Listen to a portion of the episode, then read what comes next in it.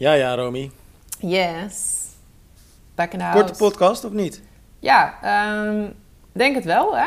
Het is niet super... eh, Weinig, hè? Weinig nieuws. Volgend week- Stilte voor de storm. Ja, dat wel. Volgend weekend wordt het al wel weer druk, zag ik, als opwarmertje richting Almere.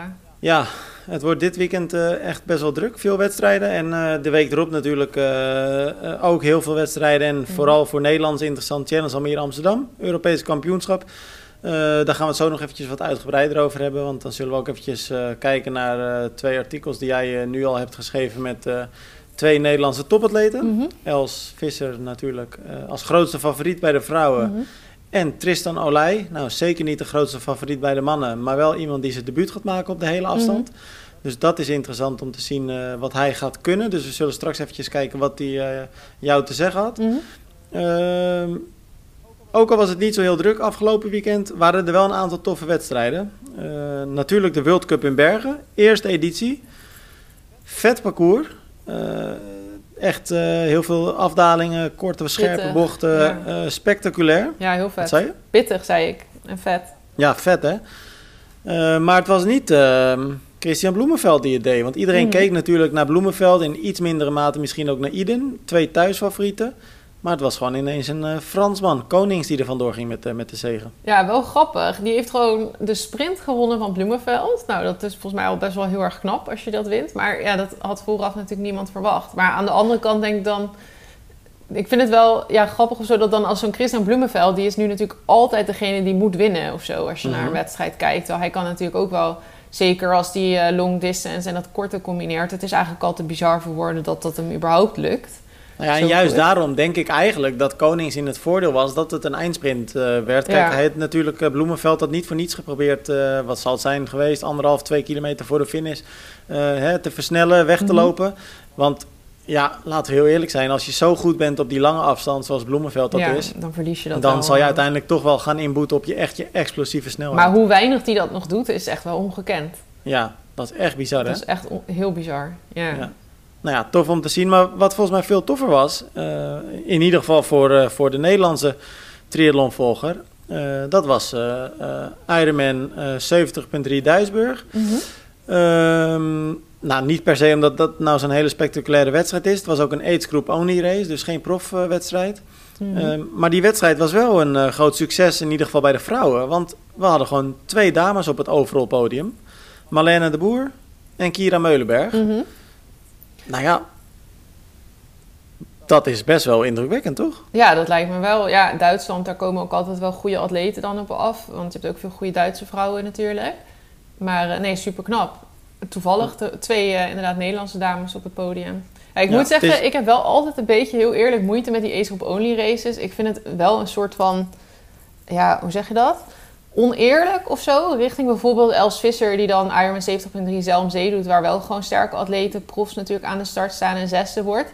Dan lijkt het soms net alsof zeg maar, de winst van Marlene de Boer in een ace wedstrijd meer aandacht krijgt dan Els Visser bijvoorbeeld in dit geval, die dan zesde werd. Maar hoe bedoel je meer aandacht dan? Nou, je ziet gewoon zeg maar dat heel veel mensen die snappen, lijken niet te snappen dat dat dan een ace only evenement is. En daar kiezen heel veel ace dat soort races volgens mij ook op uit, omdat dat dan juist scoort, weet je wel, want dan win je dus overal. Maar Mhm. eigenlijk is het natuurlijk gewoon een wedstrijd waar de pro's niet aanwezig zijn. Dus dat nee, maar vertekent. dat maakt, maakt, maakt zo'n overwinning toch niet per se minder indrukwekkend? Nee, maar het is wel zo dat als je die, zeg maar... Stel nou dat Marlene de Boer bijvoorbeeld eh, de ace-groep wedstrijd had gewonnen van... ah, bijvoorbeeld dus Ironman 70.3 Zelmzee. Mhm. Dan, ja, dat klinkt anders dan wanneer je... Kijk, nu denken mensen zeg maar dat er gewoon... Dat je gewoon echt de overall race wint. Ja, Snap je? Wat natuurlijk ook zo is. Alleen het was een overall race zonder profatleten. Ja, dus het is zeg maar de prestatie is even goed als wanneer je het doet in een andere wedstrijd. Alleen het lijkt soms net zeg maar alsof dan eh, het zo wordt gebracht alsof het zeg maar een pro-race is, begrijp je? En dat Ja, vind ik verwarrend Ik snap aan wat je bedoelt, maar ik vraag me alleen af, ik, ik vraag me af of dat zo is. Want ik zit dan te kijken van, want waar zie jij dat dan? Want waar heb je dan bijvoorbeeld het idee dat dit meer aandacht krijgt dan een, eh, nou ja, bijvoorbeeld dan, nou, je noemde zelf Els Mhm. Visser dan. Nou ja, je hoort het, ik hoor dat wel eens. Dat dan bijvoorbeeld mensen zeggen over bijvoorbeeld Ironman Maastricht of Ironman 70.3 eh West-Friesland ook. Want dat zijn natuurlijk ook allebei Ace Group Only races. Dat mensen dan zeggen van, oh die, eh, echt bizar, die heeft gewoon eh, de hele Ironman gewonnen of zo bijvoorbeeld. Ah weet ja, wel? precies. Ja. Dat, dat is verwarrend. Zeg maar, vroeger was het altijd zo dat iedere Ironman of Ironman 70.3 of Challenge wedstrijd, dat waren gewoon ook pro-races. Bij Challenge zie je het Mhm. nog niet zoveel dat het Ace Group only is. Volgens mij eigenlijk alleen als het echt ver weg is of zo. In Azië hebben we- is dat wel eens geweest, denk ik. Mhm. Maar bij Ironman zie je dat nu steeds vaker. Je hebt echt atleten die dan, ja, de- lijkt het, die dan echt die Ace only wedstrijden uitzoeken. Omdat dat, snap ik ook, want richting sponsoren klinkt het natuurlijk goed dat je een wedstrijd hebt gewonnen. Maar uiteindelijk is het hetzelfde als dat je dus bijvoorbeeld een, een wel-pro race zou doen en je zou er best wel ver achter de winnaar finishen, maar wint wel overal als de Ace race. Ja, ik vind het wel interessant, want Marlene de Boer die won de wedstrijd dus, Mhm. eh, maar ook met ruime, ruime hè, met groot overmacht zeg maar, met een ruime voorsprong. Ja, zoals ook Eh, super snel zag ik. Het is ook een snelle race. Maar... Ja, het is ook een dik persoonlijk record voor haar, ehm, maar ze vinden ze met een voorsprong van uit mijn hoofd iets van 11 of 12 minuten. Mhm. Eh 11.36 zie ik hier inderdaad voor me staan. Ehm, en Kira Meulenberg werd op 17 minuten 20 derde. Die Hmm. trouwens echt ontzettend goed liep. Want die, die maakt echt heel veel posities goed tijdens de halve marathon. Oké. Ehm, maar in ieder geval dat gezegd hebben. De Marlene de Boer dus met grote overmacht gewonnen. Nou, dat is voor Mhm. haar niet de eerste keer dat ze een ace groep we- eh, wedstrijd met grote overmacht wint. Mhm. En ik sprak eh, Yvonne van Vlerken na afloop. eh, is natuurlijk haar coach. Mhm. En dat triggerde me op zich wel, want die zei, die appte mij op een gegeven moment. En die zei, ehm, ik heb het idee dat Marlene de Boer eigenlijk beter is dan ik was. Ehm, Mm. Ja, ik eh, durf dat toch wel te betwijfelen. Ik kan me dat niet voorstellen, eerlijk gezegd. Ja. Nee, dus ik, ik, heb, ik vind het ook best wel een... eh, kijk, laten we heel eerlijk zijn. Yvonne van Vlerk weet natuurlijk heel goed waar ze het over heeft. Ja. Eh, aan de andere kant weet ook heel goed hoe ze dingen moet eh, vermarkten. Dus, ja, dus ze is daar ook heel goed in. Eh, Want nu hebben we het er wel over. Ja, nou ja, en, en terecht, weet je. Kijk, ze wint natuurlijk Duisburg, dus hoe je het ook went of keert, ace group only. Maar het is Mhm. nog steeds super knap, dus dan ja, verdient het ook gewoon aandacht. Maar ik vraag me alleen af, en volgens mij hebben we dat eerder ook al met elkaar besproken in deze podcast. Mhm. eh, wanneer gaat zij de overstap eens een keer maken naar het profveld? En Mhm. kijk, dat antwoord kan ik ook gelijk geven. Dat wordt na Hawaii dit jaar, dus eigenlijk volgend seizoen. Ja, nou, dat wordt interessant. Dan Ja, maar dat is natuurlijk wel een paar keer uitgesteld al. Ja, nou ja, het moet er denk ik een keer van komen. Want onderhand zijn de ogen ook wel een beetje op haar gericht, denk ik. Omdat ze steeds die age group only wedstrijden zeg maar wint en zo. Dan op een gegeven moment gaan mensen toch een soort van van je verwachten... dat je dan het bij de pro's gaat proberen. Maar ehm, ja, ik maar denk dan dat... heb Ik je denk, het alleen over Nederlanders, toch? Want ik bedoel, het is echt niet dat de buitenlanders nu, nu naar Nederland kijken en denken van... eh, wanneer gaat Marlene de Boer het profveld in? Ja, jawel, dat is wel echt een kwestie die speelt. Ik hoor dat overal. Nee, nee, natuurlijk niet. Maar ik denk wel dat op een gegeven moment wordt al wel een beetje zo... Ja, maar ik denk dat je dat zelf toch ook op een gegeven moment gaat willen. Je meten met de pro's. Want het, het is een andere wedstrijd natuurlijk. Je begint gewoon voor in de race. Het, het is gewoon een heel ander wedstrijdbeeld, zeg maar. Het is geen rolling start en zo. Dus het is gewoon wel interessant, lijkt me, om dan te kijken waar je dan staat. En ik denk dat Marlene eh, het zeker wel goed kan doen bij de pro's. Maar ja, ik ben benieuwd hoe ze het bijvoorbeeld doet tegenover een Sarissa de Vries of een Els Visser, weet je wel. Ja, maar heb jij, want jij zegt ik heb het idee dat ze het goed kan doen. Mhm. Eh, kijk, eh, ze heeft gigantisch veel talent, dat is overduidelijk. Mhm. Ehm, en ze zal ook zeker nog de komende tijd heel veel stappen gaan zetten, eh, vermoed ik. Mhm. Maar ik heb nou niet per se het idee dat zij nu direct van Els of Sarissa gaat winnen. Laat Nee. staan van echt, echt hè, nou ja, noem maar op, Laura Philip en Nee. dat soort vrouwen. maar Nee, die indruk ook. heb ik ook niet. En als ze inderdaad zo goed is of beter dan Yvonne ooit is geweest, dan zou ze dat dus wel in theorie moeten kunnen. Ja, maar dan Maar- zou ze nu eigenlijk, ehm, volgens mij zou ze dan al lang in het profveld gezeten hebben. Ja, dat lijkt me ook. Ja, of eh, Yvonne heeft een soort eh, stappenplan en eh, Marlene zit nu op 60% van haar kunnen. Nog. Nou ja, dat zou kunnen, maar dan vind ik het nog steeds gek. Want eerder werd al gezegd van ze maakt dit jaar de overstap naar het profveld. En dat is Mhm. elke keer niet ge- gelukt. Dus Ja, nee, ik, ik zou het wel tijd vinden voor Marlene om die overstap te maken. Want ja, Ja. Dan, is het, dan wordt het interessant om te zien zeg maar, hoe ze het doet. En nu is het eigenlijk een beetje, ja, wordt er al verwacht dat zij die Ace Group Only wedstrijden wel wint. En dat is natuurlijk super leuk. En ik snap dat het een mooie stap is richting het profveld. Maar op een gegeven moment vind ik dan wel van, maak nu dan de stap, zeg maar. ja, nou spannend. Het gaat eind dit jaar dan waarschijnlijk dus. Of nou ja, Maar ik in snap principe de keus wel hoor. Dat zou Hawaii nog een keer wil doen als aidsgroeper. Dat, dat kan ik dan wel begrijpen. Ja, tuurlijk, dat is logisch. En dat, Ja. eh, dat zou ik ook inderdaad doen. Over Hawaii gesproken, dat is ook nog wel een dingetje dit jaar. Hè? Want je ziet overal steeds meer. eh, nu dan ook Joe Skipper, maar je ziet veel meer profatleten ook. Mhm. eh, maar ook heel veel group atleten. Die eigenlijk aangeven van ja, ik heb wel een ticket. Mhm. Ik ben geplaatst. Maar ik wil eigenlijk niet gaan. Het is, het veel te duur. waard? Ja, ja, het is gewoon omdat heel veel atleten ook weten dat ze het niet eens... En dat is bij Joe Skipper niet het geval. Maar er zijn ook atleten die weten... Ja, als ik een goede wedstrijd heb op Hawaii... dan word ik eh 19e of 21ste of zo. En dan verdien je gewoon helemaal niks. Want je krijgt top 10 krijgt betaald. Volgens mij krijgt de nummer 10 krijgt iets van 10.000 euro. Uh, nou is tegenwoordig met de PTO en punten en zo... heb je natuurlijk aan de andere kant... haal je ook wel weer andere punten dan ergens vandaan. Dus dan krijg je indirect... Maar direct, zeg maar, qua prijzengeld is het volgens mij iets van 10.000 euro voor je tiende wordt. Nou, als je kijkt naar wat het kost om naar Hawaii te gaan... dan haal je het er net uit als je denk ik tiende wordt. Nou, niet eens hoor, want uh, je ziet nu echt, nou, even ervan uitgaande dat je vanuit Nederland zeg maar gaat, mm. uh, of Europa, dat zal wel vrijwel uh, gelijk aan elkaar allemaal een beetje zijn. Ja. Um, alleen al accommodatie voor een week, dan zit je al snel over die 10.000 euro. Nou, dan komt nog ja. ticket bij, er komen natuurlijk nog um, voeding bij, drinken, eten, drinken. En je wilt het ook goed doen als je daarheen gaat, want dan wil je eigenlijk ook een coach mee hebben of zo. Je gaat ook niet helemaal alleen, er zal altijd wel, je neemt altijd wel iemand mee of zo. En je wil ook geen week, want je wil ook acclimatiseren. Langer, ja.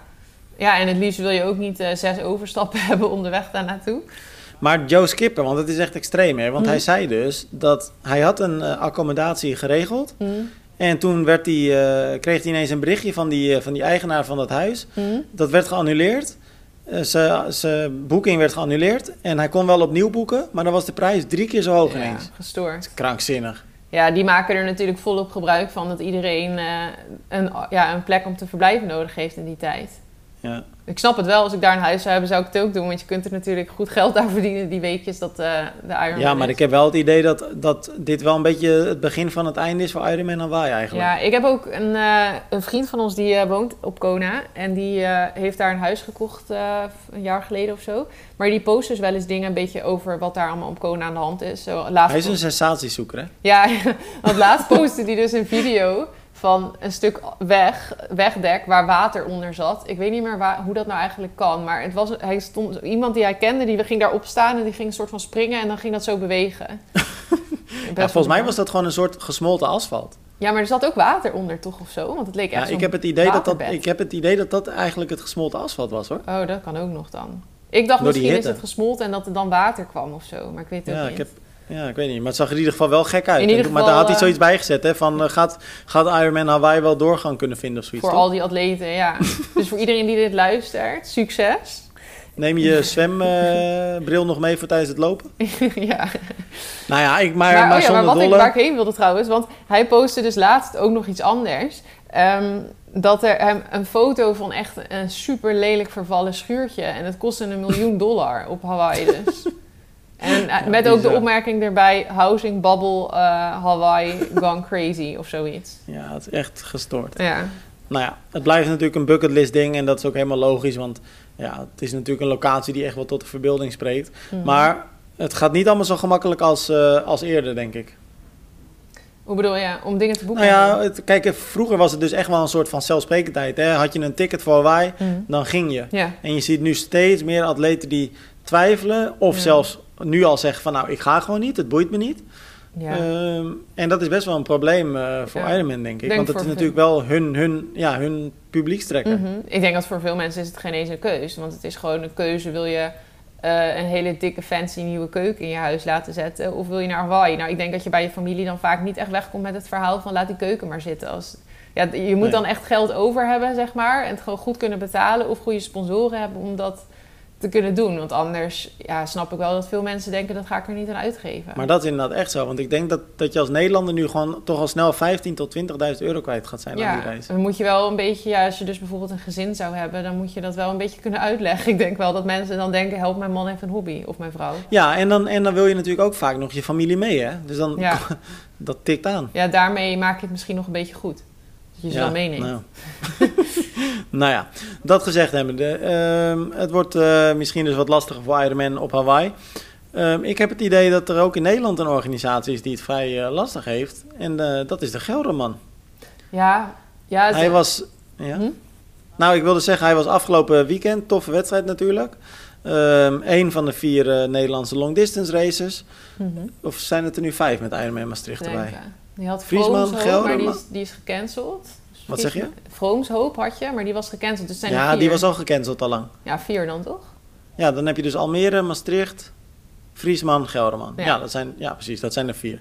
Um, maar goed, 91 deelnemers stonden er dus afgelopen weekend uh, maar aan de start. Mm -hmm. Natuurlijk is het uh, goed om er eventjes bij te vermelden dat de Gelderman niet de ambitie heeft om hè, de nieuwe uh, Challenge Almere of Ironman Maastricht te worden. Juist niet. Nee, juist niet, precies. Dus het is kleinschalig, dus oké. Ehm, maar 91 is eh, toch wel aanzienlijk minder dan de afgelopen jaren. Mhm. Ehm, ik vind het best wel weinig voor een hele. En zeker als je je bedenkt dat de Friesman volgend jaar een eh, sabbatical gaat houden. Dus Mhm. volgend jaar geen Friesman. ja. Ironman Maastricht is volgend jaar natuurlijk ook geen hele meer. Mhm. Eh, dus dan heb je eigenlijk Almere nog weer als enige wedstrijd en de. Gelderman. Maar dan zal het Maar- wel weer richting Gelderman trekken ook meer.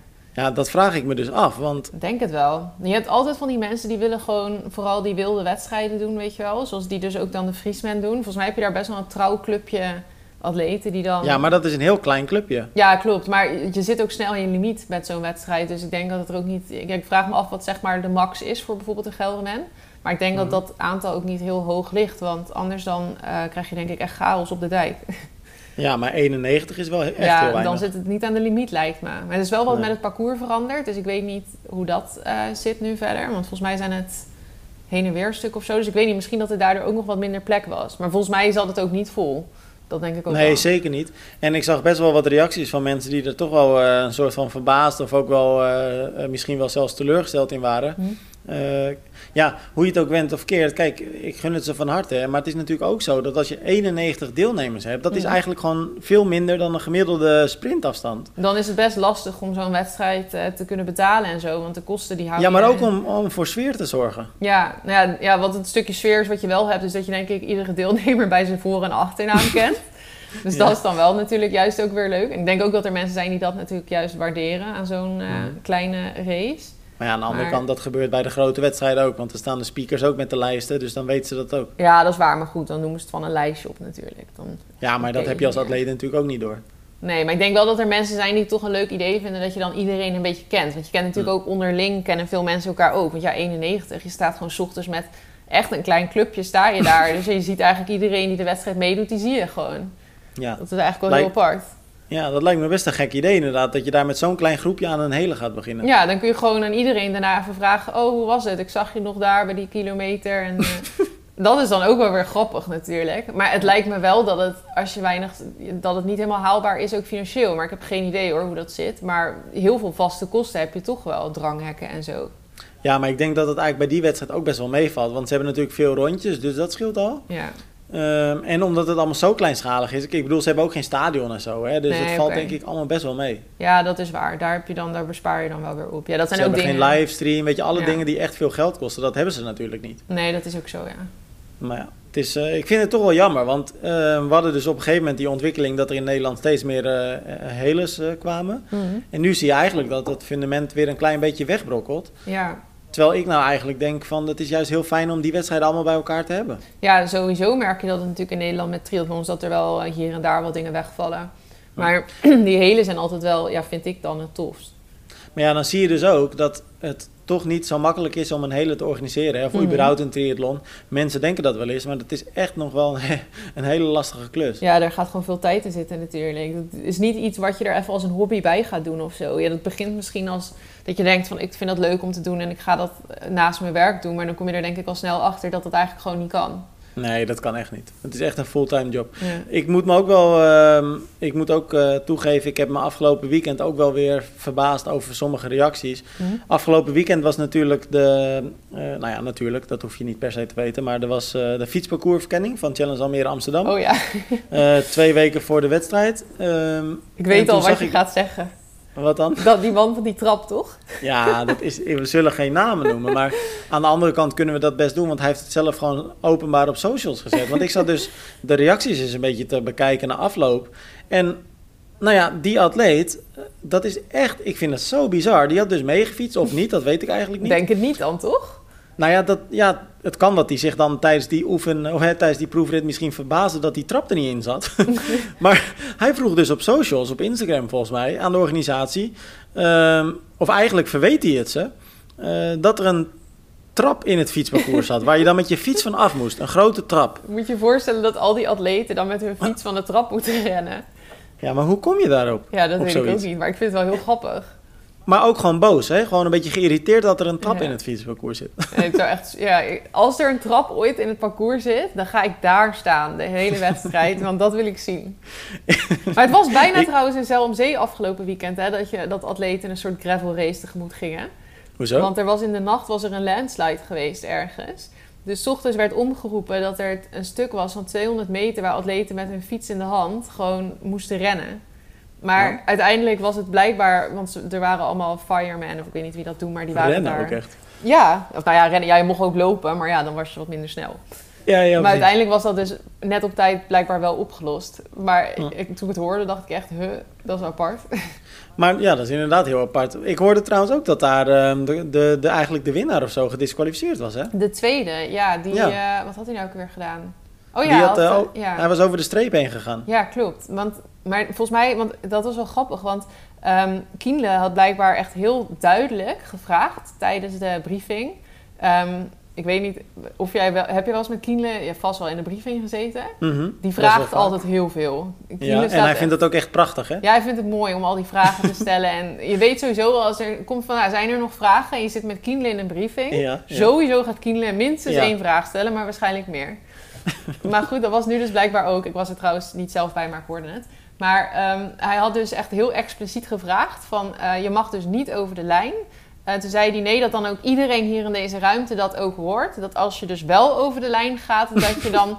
Wat, wat gebeurt er dan? Vroeg hij dan ook. Van wat is dan met, wat je dus gedisqualificeerd? Zei hij, oké, dat iedereen hier nu dat weet. Over de lijn is gedisqualificeerd. Want hij wilde gewoon weten, want hij denkt op mij zijn de ogen gericht. Dus hij ging zich wel aan die regel houden, maar hij had er dan Ja. geen zin in dat Uberbikers van achter dachten van... eh, ik doe dat lekker niet. Want je had er best wel blijkbaar voordeel aan, want sommige bochten waren anders best lastig aan te snijden. Oh ja. Dus hij wilde En dat eh, echt waarom, mocht jij, waarom mocht je eigenlijk niet over die lijn? Was er gewoon verkeer dan? Of? Ja, ik denk gewoon omdat dat anders onduidelijk wordt waar op het parcours Hm. het wel mag en waar niet. En omdat het natuurlijk normaal ook altijd de regel is dat dat niet mag. Maar ik denk Ja. dat je meer af moest remmen als je het niet deed.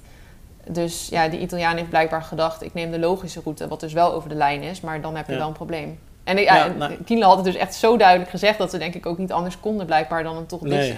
Nou ja, en het is ook terecht hoor. Regel is regel. En Mm. eh, zeker als het over de veiligheid gaat, moet je dat wel goed handhaven. Denk ik. Ja, maar je kan natuurlijk ook wel misschien voor de motoren of zo van achter, die, als die weten dat je niet over de lijn gaat en iemand gaat in één keer wel over de lijn. Kijk, als het bij de pro's iemand het doet, dan kunnen bij de ace-groepers, en dat waren er volgens mij ruim 2000, gaan die dat misschien ook allemaal doen. Dan wordt het natuurlijk Ja. inderdaad chaotisch. Het was slecht weer hè, daar. Ja, het was weer niet echt eh, lekker. Tijdens lopen werd het een soort van ietsjes beter, maar het, eh, tot nu toe is mijn ervaring met Cel am Zee dat het daar altijd regent.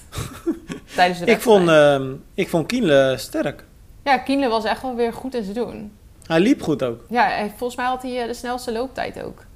Maar dat verbaast me best wel, want ehm, hij is natuurlijk ook volledig gericht op de hele. Mhm. Ehm, nou ja, is niet de jongste meer. Mhm. Heeft veel blessureleed gehad. Ja, dat is wel bijzonder. Maar hij ja. heeft nu ineens zijn loopskills weer te pakken. Ja, nee, het, het was inderdaad, hij was echt wel weer sterk. Maar, en hij werd maar zesde. Het was ook best wel, er waren best wel wat atleten die ik ook niet kende, die echt wel sterk liepen en zo. En fietsten. Funk is ook wel goed, hè? Ja, zeker. Die is echt... Die, eh, die wint ook echt het ik- een na het andere. Ik moet zeggen, hij kwam voorbij gerend.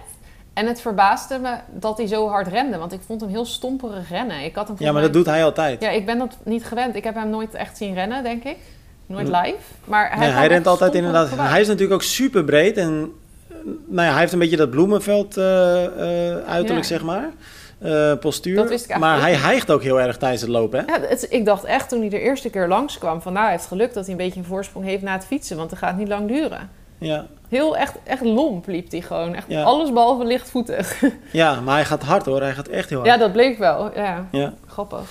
Nou, ehm, nou, alleen nog eventjes vooruitblikken op Almere. Ook al is het natuurlijk nu eh, nog anderhalf week. Mhm. eh, precies te gaan. Eh, tien dagen dus. Kriebelt het al een beetje bij je? Ja. ja, ik begin nu wel een beetje zo nou, af te tellen. Ja, dat je wel het gevoel van, oh, Almere komt eraan. Zeker. Ja, ik vind het wel vet. Uiteindelijk is het toch de mooiste wedstrijd in Nederland. Grootste wedstrijd in Nederland. Mhm. Ehm, nou ja, dit jaar natuurlijk Europese kampioenschap. Eh staat best een mooi veld aan de start. Zeker bij de mannen. Ehm, ik ben benieuwd. Wat denk jij? We hebben natuurlijk een artikel laatst geschreven. Gaat het weer gebeuren? Mhm. Een Nederlandse winnaar. Nou, we hebben natuurlijk vorig jaar eh Sarissa de Vries... die eh, geweldig wereldkampioen werd. Mhm. Eh, Evert werd vierde, dus ook echt top. Maar nog niet gewonnen. Wa- wat denk jij dit jaar? Nederlandse winnaar of niet? Ik denk wel dat we voor het eerst ehm, echt veel Nederlandse ehm, kanshebbers aan de start hebben staan, zeg maar. En wie zie jij als kanshebbers? Nou, ehm, Milan, Tristan. Tristan het is dan natuurlijk zijn eerste, maar ehm, ja, het kan zo zijn dat hij gewoon dit fucking goed kan. Dat zou me niet verbazen eigenlijk. Mhm. Eh, want op zich vind ik... Tri- Tristan was bijvoorbeeld toen in het begin van het jaar Ironman 70.3 Oceanside... deed hij ook echt sterk. Alleen had hij toen iets probleem met zijn fiets of zo... waardoor hij uit moest stappen. Dus nou hebben we Mhm. de rest van de wedstrijd dan wel niet kunnen zien. Dus daar kan je misschien niet zo heel veel aan ophangen. Maar ik heb wel het idee dat dat echt wel een hele goede atleet eh, kan gaan zijn. En ook Mhm. op de lange afstand. Maar goed, het is de debuut, dus je weet het niet. Maar ehm, ja, Nick Heldoorn, al denk ik wel dat zeg maar de Embrenen en de heuvels... dat ligt hem wel denk ik meer dan eh, de dijk, zeg maar. Dan Mhm. de vla- vlakken. Maar op zich heb je wel zeg maar vier namen. Oh, en Tom vergeet ik nu. Maar Tom eh, ja, vind ik wat lastiger in te schatten. Dat verwacht ik eerlijk gezegd wat minder. Want die ligt gewoon met zwemmen ver achter. Ja. Ehm, maar kan en heeft wel... natuurlijk ook niet de allerbeste voorbereiding Nee, gehad. precies. Ehm, maar heeft wel weer op hoogte gezeten en zo. En volgens mij keihard getraind. Dus wat dat betreft kan hij het ook maar zo heel... Ja, sowieso, Tom kan keihard fietsen en lopen als hij een goede dag heeft natuurlijk. Mhm. Maar dus ik denk wel op zich dat er ehm, voor het eerst echt niet, veel dus. eh, kandidaten zijn. Maar Evert niet. Oh ja, sorry. Ja, maar die noem ik niet omdat het dan dus mijn vriend is, weet je. Ah, ja, oké. ja, maar ik bedoel, uiteindelijk is hij de grootste favoriet bij de mannen, denk ik. Ja, zo wordt dat denk ik wel Vind gezien, ik in ja. ieder geval wel. Ja, nou, maar dat is toch zo? Ik Mhm. bedoel, hij is natuurlijk eh snelste Nederlandse man. we- eh, presteerde vorig jaar het best. En natuurlijk is dat geen garantie voor dit jaar. Maar dan is het wel logisch dat de meeste mensen nu naar hem kijken als Nee, grootste klopt. favoriet. Ja, ik noem hem niet omdat ik hem gewoon een soort van vergeet. Omdat, hij, omdat ik hem redelijk goed ken. Wie denk jij dan... en, en bij de, voordat we nog eventjes naar de mannen terug gaan. Bij de vrouwen, Mhm. eh, Els Visser gewoon grootste favoriet natuurlijk. Ja, volgens mij is er bij Els Visser eh, eigenlijk bijna niemand opgewassen tegen haar, toch? Nee, nou goed. Er zijn natuurlijk best wel een paar eh, sterke vrouwen. Alexandra Tondeur, Ja. eh, Lina Christine Schink. Dus er zijn best wel wat, wat vrouwen die toch wel het een en ander kunnen. Ja. En dan vergeet ik er nog wel een paar. Ik denk dat als Els Visser een redelijk goede dag heeft, dat hij Mhm. wel echt wint. Maar dat is natuurlijk een beetje de vraag. Is ze al in de vorm Mhm. dat ze echt een goede dag kan hebben? Ja, nog, ze is nog niet helemaal top in vorm of zo. Niet zo goed als ze wel eens eh, is geweest, zeg maar. Maar Ja. ik denk eerlijk gezegd dat ze dan alsnog deze wedstrijd kan winnen. Ja, nee, dat denk ik eh, zeker ook. Wie zie jij bij de mannen als de grootste favoriet? Zeg maar overal. Ehm, ik heb eigenlijk het hele lijstje even niet zo heel helder voor mijn. eh, nou, je hebt geweest. onder andere Thomas Steger, Kovacic, Oh ja, nou. Starkovic, Voigt. Oh, Voigt zie ik ook wel best wel als een. eh, die is vaak met lopen, stort hij dan wel weer heel erg in. Maar die kan wel. eh, die is sterk met fietsen en met natuurlijk zwemmen.